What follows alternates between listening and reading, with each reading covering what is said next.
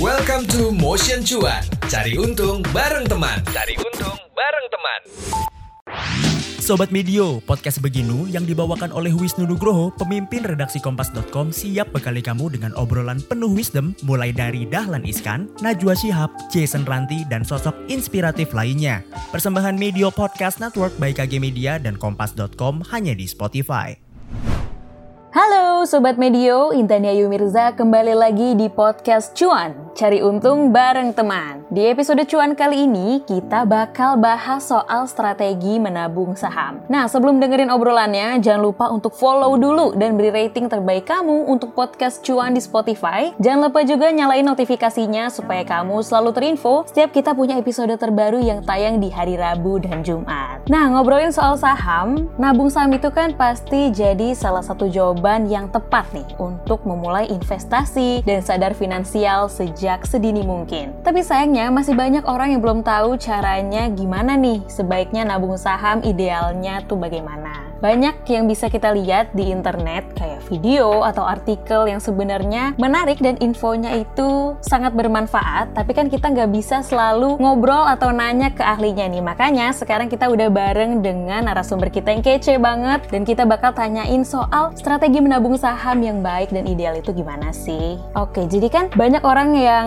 berpikir bahwa nabung saham itu cuma bisa dilakuin sama orang yang kaya raya atau pengusaha besar gitu. Nah, anggapan itu sebenarnya sekarang dipatahin dengan munculnya perusahaan-perusahaan sekuritas yang nawarin kemudahan investasi saham bagi siapa aja. Nah, kalau kamu masih pemula, ada baiknya nih kita cari tahu strategi menabung saham supaya kita selalu untung dan minim kerugian. Nah, yuk kita langsung aja ngobrol bareng Mbak Joyce Taurisanti, jurnalis harian Kompas dan penulis tentang finansial dan investasi. Buat sobat medio yang mau tahu selengkapnya seputar investasi, kamu bisa langsung beli bukunya Mbak Joyce Taurisanti Santi yang berjudul Dunia Saham Tak Seindah di Sosial Media. Nah, sebenarnya kenapa sih yang terjadi di dunia saham realitanya bagaimana? Kenapa disebutnya nggak seindah di sosial media? Nah, kamu bisa tahu jawabannya di sini. Dan kabar baiknya, setiap pembelian buku di online store gerai.kompas.id, kamu bakal dapetin voucher diskon 25% dengan menggunakan kode khusus yaitu buku Joyce B U K U J O I C E. Kamu juga bisa dapetin informasi tentang keuangan atau investasi atau bisnis lainnya dengan cara berlangganan di kompas.id.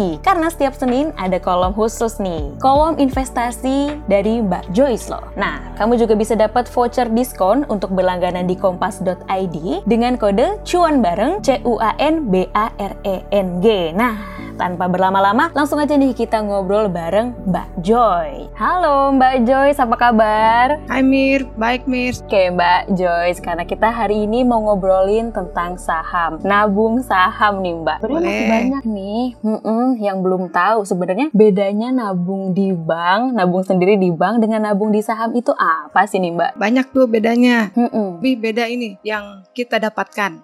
Oke. Balik dulu nih Mir, pertanyaan uh, basic lagi. Uh, kenapa sih kita mesti nabung saham? Nabung saham itu apa sih artinya? Artinya kan investasi, betul nggak? Betul. Beda dong nabung sama investasi. Kalau nabung itu kan saving. Nah, sekarang kita mau investasi nih. Mm-mm. Investasi itu apa yang kita capai? Apa yang tujuan kita investasi itu apa? Untuk menjaga nilai uang. Oke.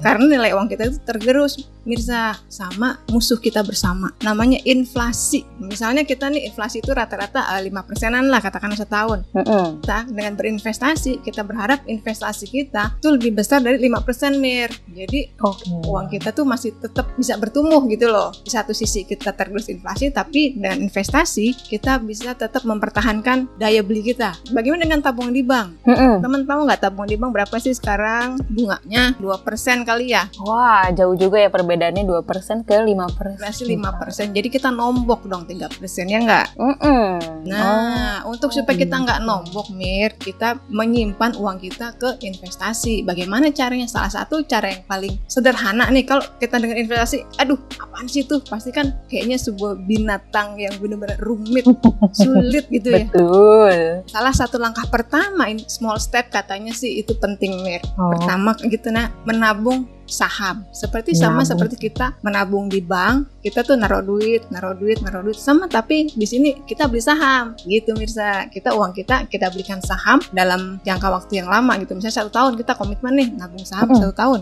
Jadi setiap bulan kita nabung, kita beli saham yang sama, beli saham, beli saham, beli saham, beli saham gitu. Nah, nanti lama-lama menjadi bukit gitu Mirsa.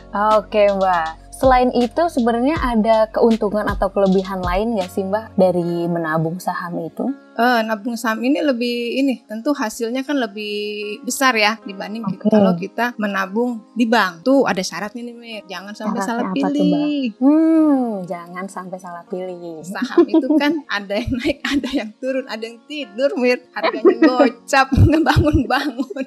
Tidur dong. tidur udah kayak boci dia. Bocinya kepanjangan. Harga saham itu berfluktuasi gitu me jadi kita harus bener-bener kalau kita nabung kan ya udahlah nabung taruh aja gitu ya. Taruh udah tutup mata. Nah kalau saham ini kita menabung saham kita harus belajar dulu mer belajar basic-basicnya Oke. tuh dengan salah satu banget. Mm-mm, buat kita jangan sampai salah pilih gitu Kalau gitu nih Mbak, kalau tadi Mbak bilang saham itu kan fluktuatif nih Mbak. Sebenarnya kita cara taunya faktor-faktor apa sih yang mempengaruhi fluktuasi itu yang bisa kita perhatiin nih Mbak supaya kita hati-hati juga nih dalam milihnya. Heeh, Nah, banyak sekali yang faktor yang mempengaruhi harga saham. Kan tiap orang beli saham itu dengan alasan yang beda, Mir. Hmm, Ada 100 setuju. orang beli saham 100 alasan di kepalanya Ah, kadang-kadang 101 bisa. Nah memang harganya itu saham itu ada yang naik ada yang turun ada yang sideways eh, alias nggak ke mana-mana mentok situ-situ aja ada tuh. Mm-mm. nah alasan orang itu kan macam-macam ya. Terus apa sih secara general secara umum faktor-faktor yang mempengaruhi pergerakan sah- harga saham? Itu misalnya adalah dia itu punya ini Mirza punya rencana atau aksi korporasi. Perusahaan ini mau akuisisi supaya dia lebih meningkatkan bisnisnya. Tuh harga sahamnya bisa naik. Nah gimana kita supaya kita bisa pilih-pilih nih? Kan di bursa ada 700 pusing juga Mir ya milihnya. Nah tentu kita harus ini punya rencana. List sendiri Mirza. List saham-saham mana yang mau kita beli. Oh, Oke. nggak usah semuanya dibeli. Misalnya kalau saham pemula tuh maunya kan yang stabil ya. Mm-mm. harganya yang nggak usah terlalu banyak lah naiknya tapi stabil. Itu bisa teman-teman bisa cari. Udah ada tuh indeksnya di bursa namanya LQ45 tuh 45 saham terliquid atau IDX 30 30 saham yang eh, liquid juga atau IDX growth itu kita bisa pilih dari situ Mir udah Oke. udah dipilihin gitu jadi kita udah dipilih. eh, oke, kita bisa milih eh, kita dari 40 itu atau 30 kan masih banyak kan nih Mm-mm. udah yang disenengin yang apa Oke. Kalau daftarnya itu sebenarnya bisa kita cek di mana sih Mbak tuh? Termasuk yang kayak tadi misalnya portfolionya dia selama ini apakah rugi terus atau laba terus atau dia boci gitu kata Mbak. Oh bisa banyak banget nih sekarang teman-teman bisa pergi ke websitenya IDX di situ ada eh, list saham-saham yang ada 45 saham ada 20 ada 80 juga kalau mau teman-teman mau memilih kayaknya 45 nih kurang banyak nih pilihannya nih ada tuh 80 IDX 80 itu ada di websitenya IDX Mir. Terus kalau Oke. misalnya teman-teman mau cek sebenarnya gue naksir nih sama saham ini. Bener nggak sih dia laba terus? Utangnya berapa sih? Teman-teman tuh bisa ke laman-laman yang udah gratis kayak eh, Yahoo Finance itu gratis mir. Atau Oke. bisa juga ke investing.com asal punya pulsa aja udah. Kadang juga bisa kan wifi gratis. Oke, kalau misalnya tadi nih ternyata udah dapat cukup informasi nih Mbak. Sekarang dia tertarik nih Mbak. Oke, gue mau nabung saham nih. Nah, step by stepnya gimana nih Mbak supaya dia bisa mulai nabung saham? nah step by step pertama apa kalau nabung di bank kita kan buka rekening tabungan nih di bank Mm-mm. Nah kalau di nabung saham kita buka rekening sekuritas mir Buka rekening sekuritas. Kalau Oh. zaman dulu ya, waktu pertama kali aku investasi saham itu mahal banget kan. Sekarang 100 ribu udah bisa buka. Hmm, 100 ribu wow. doang. Dan Hmm. nggak usah pergi, nggak usah ngantri, Mir. Modal tadi, modal kuota. Dan itu kan eh, datanya sudah terhubung dengan data Dukcapil. Itu gampang Oh. banget. Terus, Oke. tadi kan kita mulai pilih nih sahamnya Mm-mm. mana. Nah, kalau aku saranin sih buat temen-temen pemula saham-saham yang bagus, yang masih liquid, kapitalisasinya besar. Jadi teman-teman udah tau lah saham-saham itu. Nah, ada tuh daftarnya kan tadi aku bilang ya di IDX juga banyak. Terus eh, berkomitmen di situ Mir. Pemula sih jangan banyak-banyak dulu, satu aja dulu jajal. Ada strateginya gitu loh. Oh, gimana tuh Mbak? Ada nggak Mau di spill nggak? Mau spill nggak? Oh mau dong, mau banget dong. Misalnya gini, teman-teman punya target nih dalam lima tahun lagi tuh punya uang 500 juta, misalnya buat amin. rumah. Nah, amin. Ada caranya Mir. Terus ya kita Gimana bagi aja eh, 500 bagi 5 kan. Tahun harus nabung 100. 100. Mm-mm. Hmm. Kita bagi sebulan, 100 bagi 12. eh, sekitar 8,3 jutaan tuh kalau nggak salah Mir. Nah, terus teman-teman tadi udah pilih saham yang berfundamental baik. Memang mungkin itu naiknya sih nggak kenceng banget nih, tapi itu dia tuh lebih stabil gitu loh. Buat pemula tuh Oh. cocok. Nah, ada nih kalau teman-teman uh, lihat perhatikan bener-bener ada saham yang berkapitalisasi besar. Misalnya aku con- ambil contoh saham ABC nih, dia tuh naiknya 173 persen mir dalam lima tahun. Wow. Gile nggak? Oke nggak tuh? Oke. Oke banget kan? Nah teman-teman bisa pilih saham yang seperti ini. Hmm. kan tadi eh, 8,3 itu kita, kita asumsikan itu belum ada kenaikan yang 173% ini ya Mir ya tentunya teman-teman kalau itu bisa juga mengasumsikan sahamnya akan naik gitu kalau misalnya teman-teman nih bulan nabung 8 juta Mm-mm. dengan saham yang tepat artinya dia ada kenaikan nggak nyampe 5 tahun tuh udah goalnya sudah tercapai Oh, Tuh, karena dia kan bertumbuh terus yang penting adalah teman-teman konsisten dan jangan lupa evaluasi Mir evaluasi. Ya, karena saham ini kan kadang-kadang kinerja masa lalunya bagus, Mm-mm. kan? Terus kinerja kan kinerja masa lalu tidak mencerminkan kinerja masa yang akan datang. Oh gitu. Ya, jadi mesti di- dicek-cek juga nih apakah dia benar-benar sesuai inline sama harapan kita. Misalnya udah biasanya nih MN ini bagus, tapi ternyata tiba-tiba ada sesuatu hal teman-teman investasi di sebuah perusahaan airlines penerbangan. Oke. Biasanya bagus tuh. Terus Mm. tiba-tiba ada ini pandemi gini Pandemi. kan ada yang terbang. Iya. Nah, kita harus switching ke saham lain yang memang Oke. lagi uptrend. Teman-teman ah, enam bulan sekali lah kita, oh kinerjanya, waduh ini saham udah udah nggak bagus nih, udah loyo. Kita Hmm. switching lagi ke tempat saham yang lain. Nah, kalau di episode yang lalu Mbak Joyce sempat menyebutkan bahwa dalam berinvestasi kita tuh harus banyak baca sama bikin laporan keuangan nih Mbak. Nah, sebenarnya untuk di saham sendiri sebagai salah satu jenis investasi cara pembelajarannya sama seperti itu atau ada trik khususnya nih Mbak? Eh, sama aja sih Mir, yang khususnya itu cuma ya itu aja. Kita seleksi ya, seleksi sahamnya bener-bener yang Oke. kita tekankan terus sama komitmen. Kan Komitmen. kadang ada kita udah cita-cita setinggi langit nih, pengen punya 500 juta, tapi udah tiga bulan, eh kayaknya kalau gue beli mobil oke juga nih. Oke.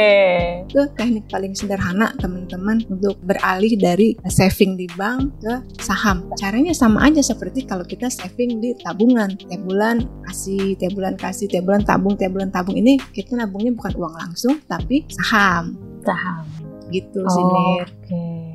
Menarik banget nih Mbak Joyce. Sekarang ini sebelum nutup nih Mbak, aku mau tanya ada nggak sih yang pengen Mbak Joyce sampai ini buat teman-teman yang baru mulai nabung saham nih supaya minim kerugian nih Mbak. Pertama, selamat dulu nih teman-teman mau nabung saham karena ini sudah merupakan perpindahan switching kita dari uh, saving society yang cuma kita kenal perbankan. Jadi Hmm. kita uh, kenal namanya produk-produk investasi. Kita beralih menjadi investment society. Keren Mir? Keren kan? Oke. Pertama, teman-teman harus ini lakukan riset bener-bener. Jangan eh si teman kita nih oh, dia beli sahamnya saham ini gitu. Terus kita pengen ikutan. Padahal rencana kita rencana dia kan beda. Kalau FOMO 17 bareng kan.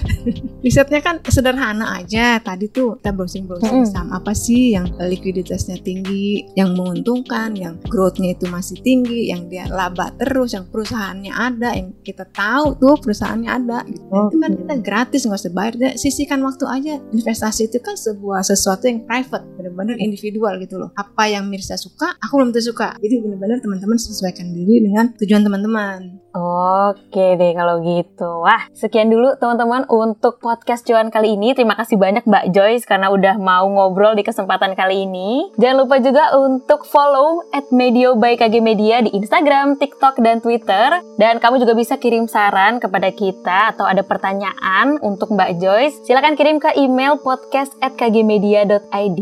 Jangan lupa untuk dengerin podcast cuan terus di Spotify untuk dapetin inspirasi menarik lainnya seputar pengelolaan keuangan, investasi, dan aktivitas finansial lainnya. See you on the next episode, Sobat Medio. Bye. Itu dia Motion Cuan. Cari untung bareng teman di minggu ini. Tungguin obrolan-obrolan seru lain di Motion Cuan. Cari untung bareng teman. Sampai ketemu di episode minggu depan.